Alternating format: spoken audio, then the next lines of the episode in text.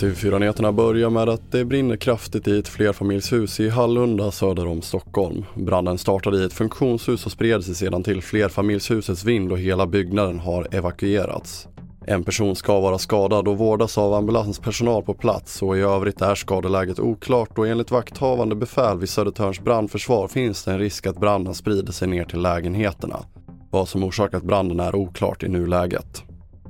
Vi fortsätter med att det är mycket halt på en lång sträcka på E4 från söder om Umeå till Piteå. Detta efter ett oljeläckage av en tankbil, det rapporterar lokala medier. Enligt räddningstjänsten så är det en sträcka på 25 mil som är drabbad och det har mycket stor påverkan på trafiken. Vägbanan ska nu saneras vilket beräknas vara klart tidigast i eftermiddag. Och vi avslutar med att vitvalen som varit strandad i floden Seine i norra Frankrike har tidigt idag flyttats ut ur vattnet.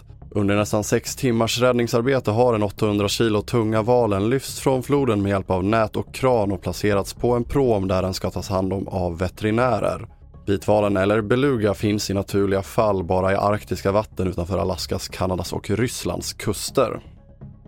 Fler nyheter hittar du på tv4.se. Jag heter André Metenen Persson.